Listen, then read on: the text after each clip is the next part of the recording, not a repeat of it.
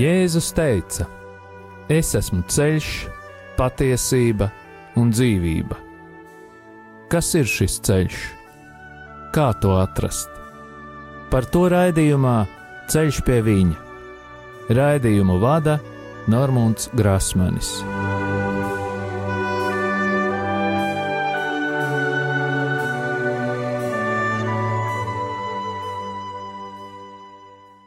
Lai ir slavēts Jēzus Kristus. Atkal ir piekdienas vakars, un ēterā raidījums ceļš pie viņa. Man ir prieks ar jums atkal satikties, dārgie radio Marija klausītāji. Vēlos atgādināt, ka raidījuma e-pasta adrese ir ceļš pie viņa at gmail.com. Aicinu jūs rakstīt savas atsauksmes, varbūt kādam ir kāds komentārs, varbūt kāds jautājums. Esmu pateicīgs visiem tiem cilvēkiem, kuri atceras mani un pārējos radiomu arī darbiniekus un brīvprātīgos savās lūgšanās. Vēlos pateikties katram klausītājam, kurš ar savām lūgšanām un arī finansiālo palīdzību atbalsta radiomu arī skanējumu ēterā, lai Dievs bagātīgi sveitī katru atbalstītāju un arī visus mūsu kopā. Šodien mēs apskatīsim tādu fiziskās un garīgās attīstības vingrinājumu sistēmu kā joga. Mūsdienās joga ir visā pasaulē pazīstams jēdziens. Daudzās ikdienas situācijās šis vārds tiek lietots kā sinonīms vārdam vingrošana. Kad tika izplatītas pirmās reklāmas par jogas nodarbībām, daudzus kristiešus nodarbināja jautājums, vai tajās vajadzētu piedalīties. Kā kristiešiem un kā katoļiem mums nevajadzētu pilnībā noliegt iesaistīšanos austrumu filozofijas aktivitātēs. Drīzāk būtu jāpiekrīt modernajam domāšanas stilam, ka būtu jāmācās no citām kultūrām un to praksēm. Taču realitāte ir pavisam cita, un īpaši tas attiecas uz jogu, jo tā nav tikai fizisku vingrinājumu komplekss ķermenim. Šodien centīšos izklāstīt jogas fizisko vingrinājumu saistību ar hinduistisko domāšanu. Es vēlētos jums parādīt, ka fiziskie sasniegumi, kur radušies it kā jogas vingrinājumu praktizēšanas rezultātā, varētu būt kā impulss noteiktām hinduistiskām idejām, vai arī izskaidrojami ar atzītu hinduistisku priekšstatu palīdzību. Arī citu ticību sistēmas atklāja līdzīgas paralēles, kur bieži vien dabas fenomeni tiek skaidroti ar konkrētā laikā valdošo reliģisko vai filozofisko sistēmu. Tāpēc pirms sākam lietot kādu garīgu vai fizisku vingrinājumu sistēmu, būtu jāizpēta šo sistēmas fizisko un galvenais garīgo ietekmi uz mums. Katra šāda garīgo un fizisko vingrinājumu sistēma balstās uz kādu filozofisko sistēmu, un tā tad arī uz cilvēku ticību. Joga pieder pie vienas no sešām hinduisma atbrīvošanās sistēmām. Tā ietver sevī atbrīvošanos no pārdzimšanas konceptu, sauktu arī pa mukti vai mokša. Tehnikas, lai sasniegtu šo stāvokli, ir visai atšķirīgas. Jau pirms kristiešu laikā tika izstrādātas vairākas atbrīvošanās teorijas, kuras līdz pat Kristus atnākšanai laikam bija pastāvīgas hinduismu sastāvdaļas. Tās ir iedalītas trīs grupās. Pirmā grupa - Najāja, kas ir analīze, un Vasesika, kas ir personīgo iezīmju izkopšanas skola. Otrā grupa - Sankaja un Joga, Trešā grupa - mimāmsa, kas ir izjautāšana, un vedanta. Jau viduslaikos Najāja un Vaisesika apvienojās vienotā skolā, kuras nodarbojās galvenokārt ar fizikas un loģikas jautājumiem. Mimāmsa un Vendata nodarbojās ar vēdenu vai vēdu skaidrojumiem. Vecākā no filozofiski reliģiskām indiešu grāmatām ir Vedanta, kas tiek saukta arī par Uttara Mimamsa. Vedantai ir ļoti liela nozīme, jo tā satur sevī modernā hinduisma intelektuālo bāzi. Šīs sistēmas pamatteksti tiek saukti par Brahmas sutras, kuru autors ir Badarājāma. Šie ir paši senākie teksti. Vedanta tiek mācīta arī šodien. Itin visi indiešu teologi un misticismu skolotāji, arī 19. un 20. gadsimta teozofi, ir vedantisti. Pie tiem pieder arī Vivekananda, Auribindo Goss un Sri S un Radka Krišna.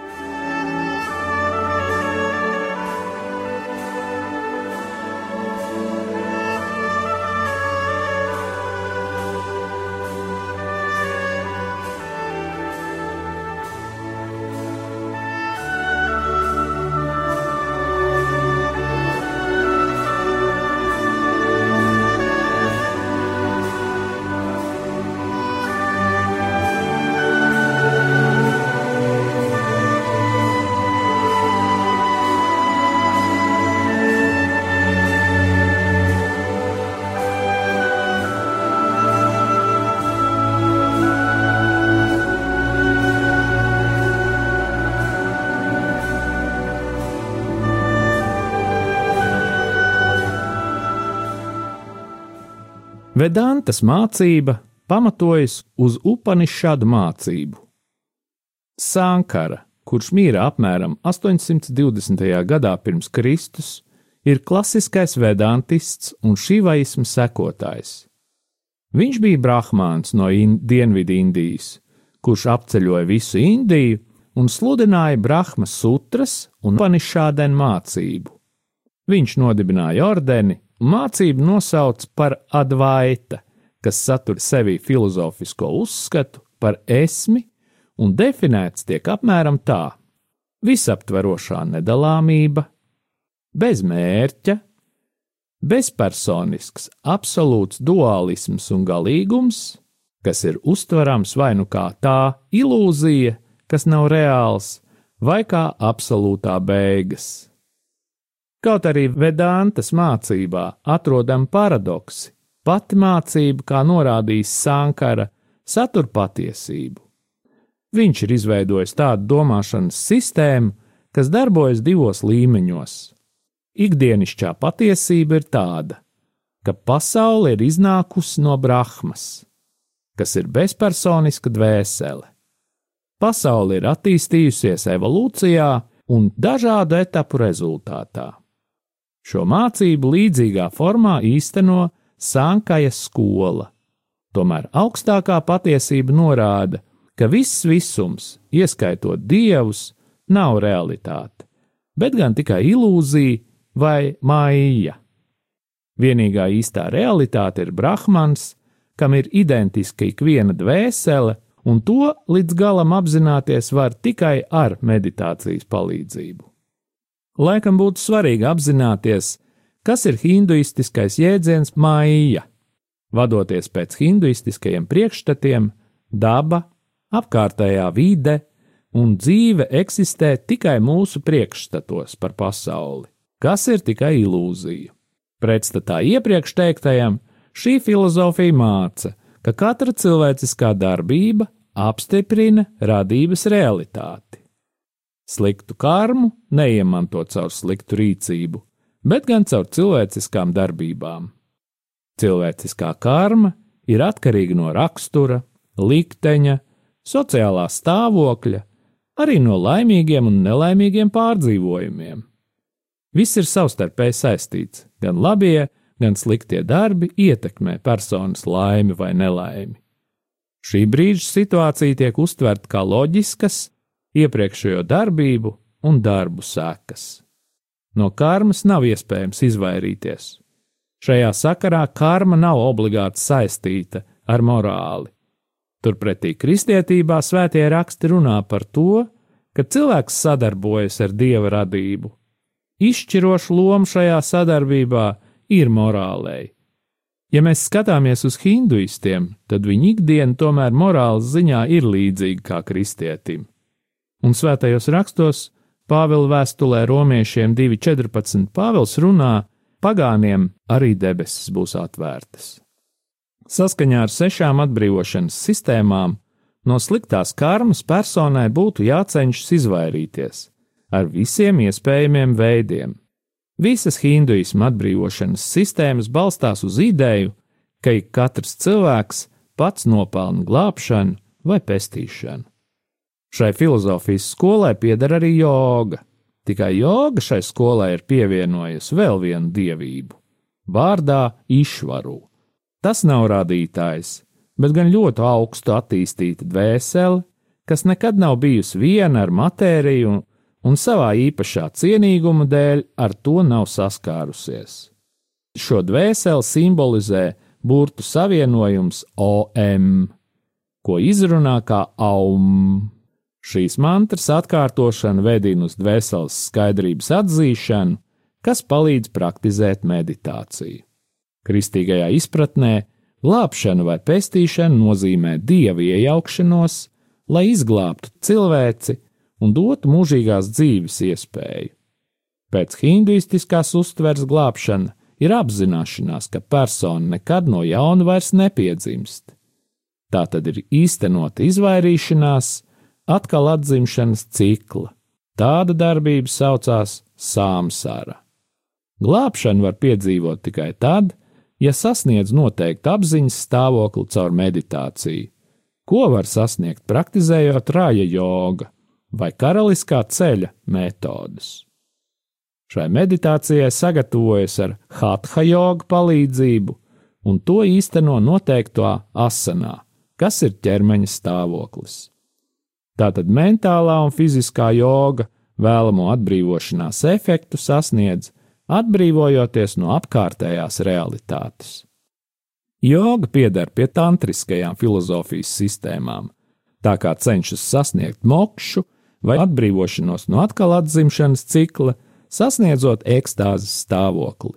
Kundalīni joga māca, ka ekstāzi var sasniegt caur kundalīni izaugsmi. Kundalīni vai čūskas spēks tiek saprasts kā saspiests un iemidzis spēks mugurkaula lejas daļā. Ar konkrētu hatha jogas vingrojumu palīdzību šis spēks ir jāatmodina. Izmantojot nākošo ķermeņa stāvokli, asanu. Caur tā sauktajām čakrām, kas ir enerģijas centri, cauri cilvēka ķermenim šis spēks tiek virzīts uz augšu, lai visbeidzot aizsniegtu pašas tālākās smadzeņu šūnas, un galvā būtu jāatver savotiņam vai strūklakai.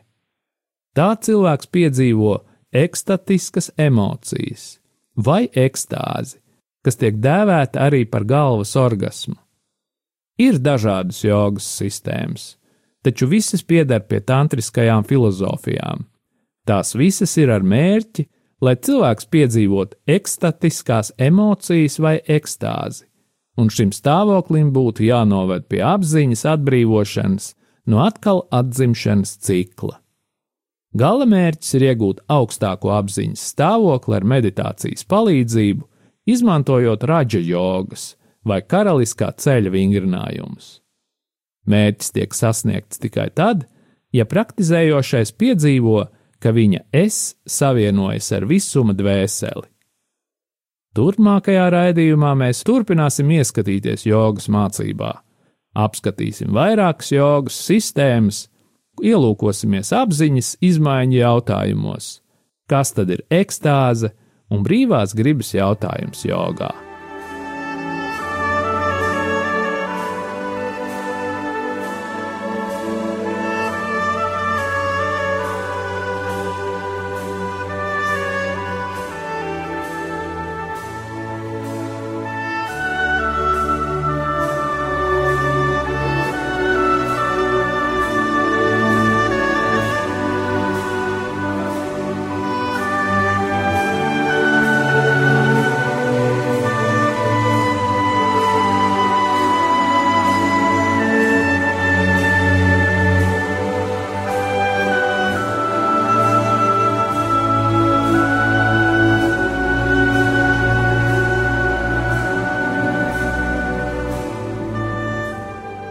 Un tā atkal prom no maldiem. Pagājušajā raidījumā apcerējām, kā dievu sastapt. Vai var dievu sastapt?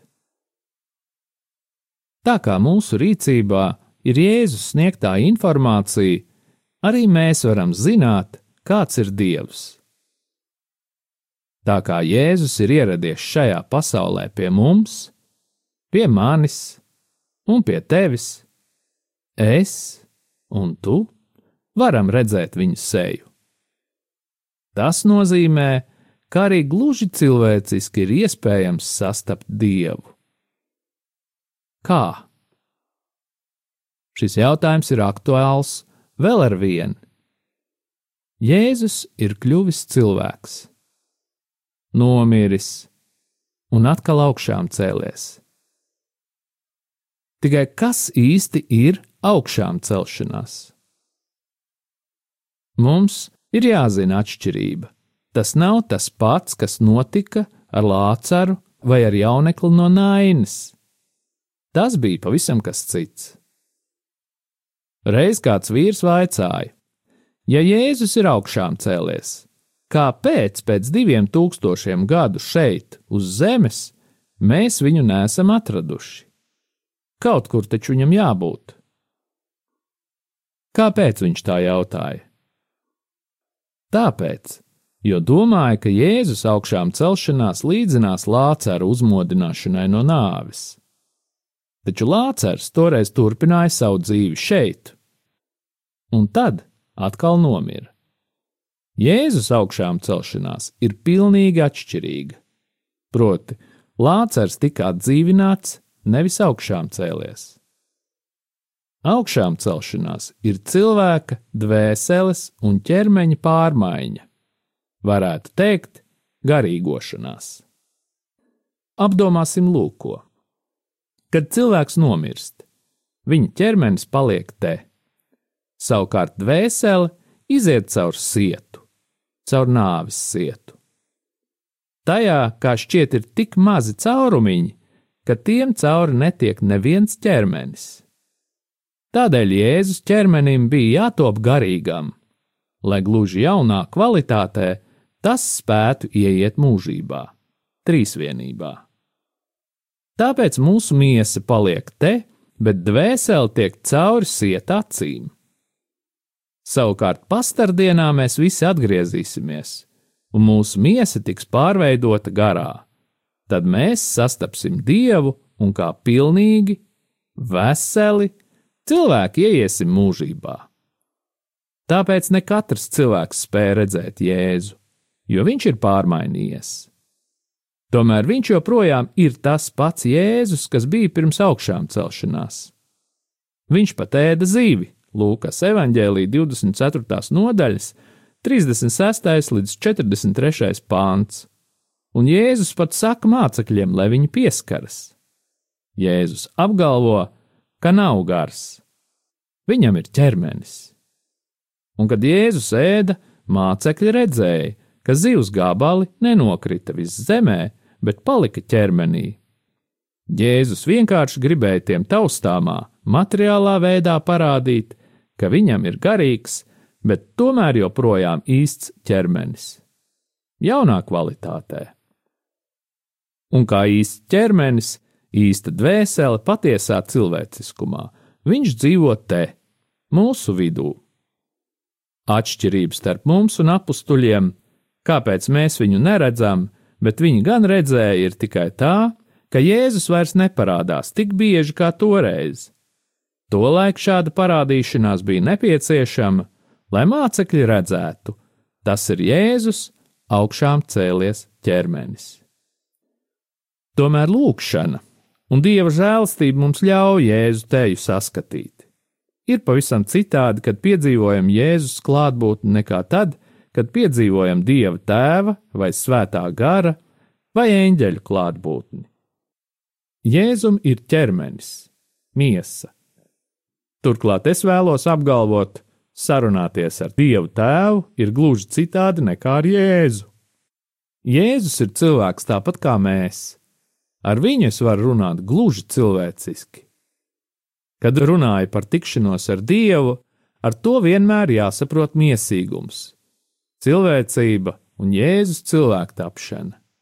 Tāpēc kristiešu tikšanās ar Dievu baznīcā noteikti nav tas pats, kas mistiķu, vīzijas vai ekstāze, vai arī līdzīgas norises pagānismā.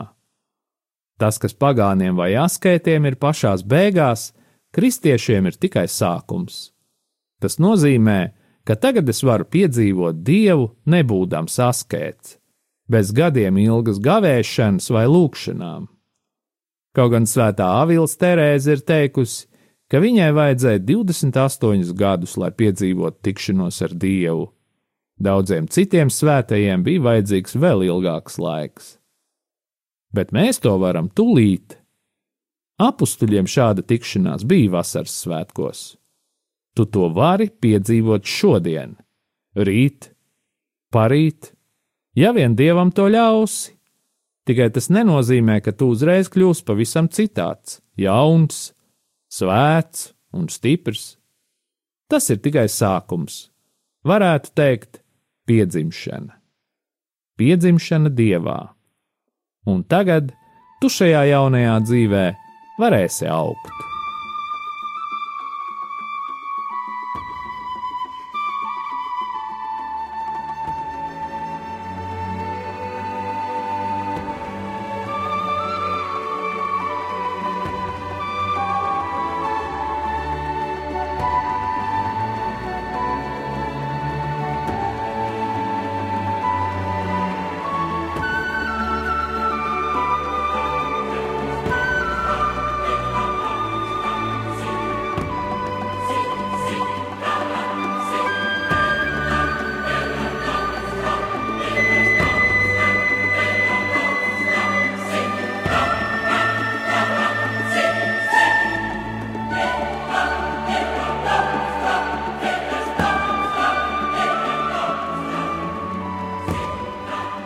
Un tagad es aicinu jūs lūgšanā, lai mēs spētu ieskatīties savā sirdīs, lai mēs spētu atrast Jēzu.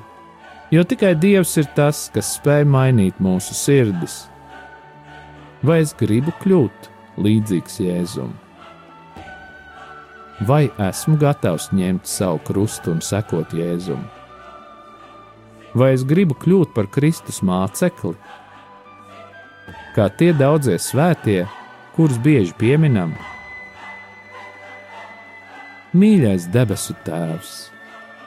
Mēs uzliekam Jēzus caurdurtās rokas katram klausītājam un lūdzam, caur tavām rētām, pieskaries katra klausītāja ievainotajai sirdī.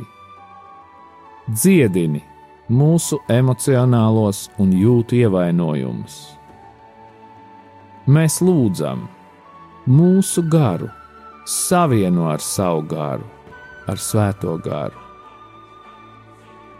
Mēs lūdzam, dod mums iekšējās dziedināšanas žēlastību, jo mēs gribam mainīties. Mēs gribam kļūt tev līdzīgi. Mēs gribam pirmām kārtām iemīlēt sevi pašu, tā kā tu mūs mīli. Mēs ticam un zinām, ka kopš kristības brīža mūsos jau ir dieva valstība, dieva žēlastība, tikai vēl neredzam, kā bērns mātes klēpī. Tai vēl ir jāpiedzimst. Jēzus saka, patiesi es jums saku, daži no tiem, kas šeit stāv, nāvi nebaudīs pirms nebūs redzējuši Dievu valstību ar spēku atnākam. Mēs lūdzam, Kungs, lai mēs būtu tie dažie. Dod mums, Kungs, šo žēlastību. Tāpat kā apstuļi pirms vasaras svētkiem nebija saņēmuši svēto garu, viņi nespēja nec brīnums darīt, nec dieva darbu īstenot. Tāpat arī mums ir jāpiedzimst garā.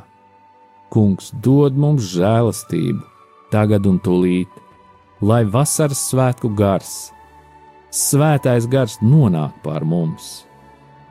Mēs gribam piedzīvot tavus brīnumus, mēs gribam, lai mūsu sirdis tiktu izmainītas. Saņemt svēto garu nozīmē iemantot viņa spēku, lai uzvarētu grēku un kas ir pirmais solis, sarautu savus saites ar grēku un ļaunumu.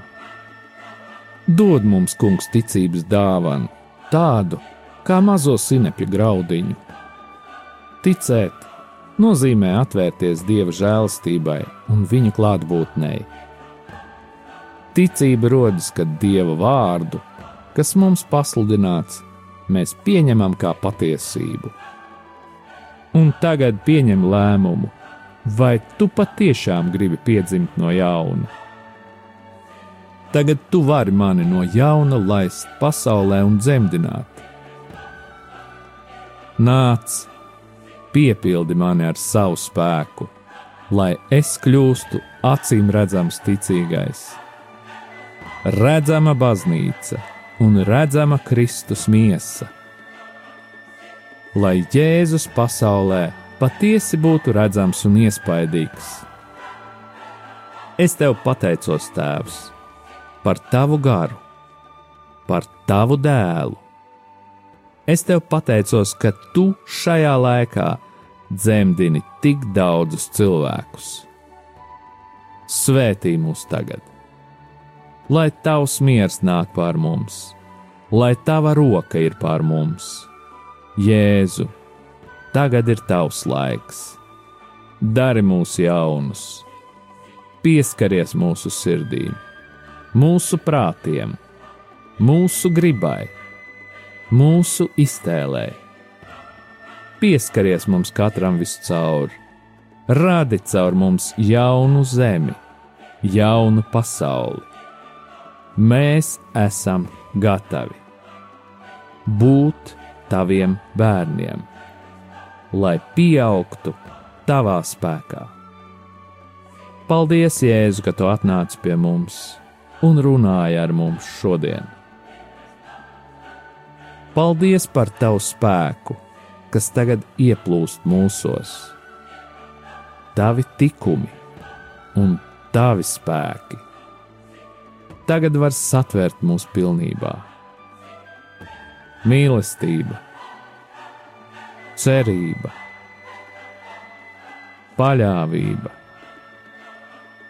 ticība, uzticēšanās, drosme, iecietība, lēnprātība, pacietība, uzticība miers, prieks. Paldies! Tagad mēs zinām, ka drīkstam būt tavi bērni. Mēs pateicamies par tavu spēku, par tavu garu, par svēto garu, par tavām dāvanām, par taviem tikumiem. Paldies par jaunu prātu, par jaunu atziņu par jaunu mīlestību. Un tagad saņemiet pāvesta Franciska svētību.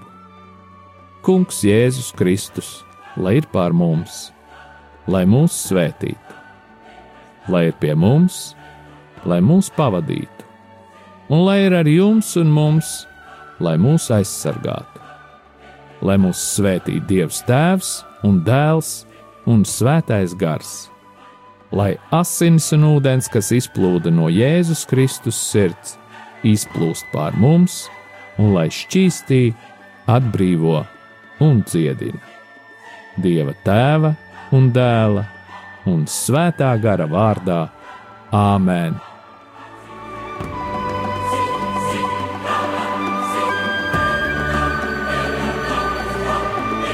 Jūs klausījāties raidījumu Ceļš pie viņa Uz tikšanos piekdien, 16.30.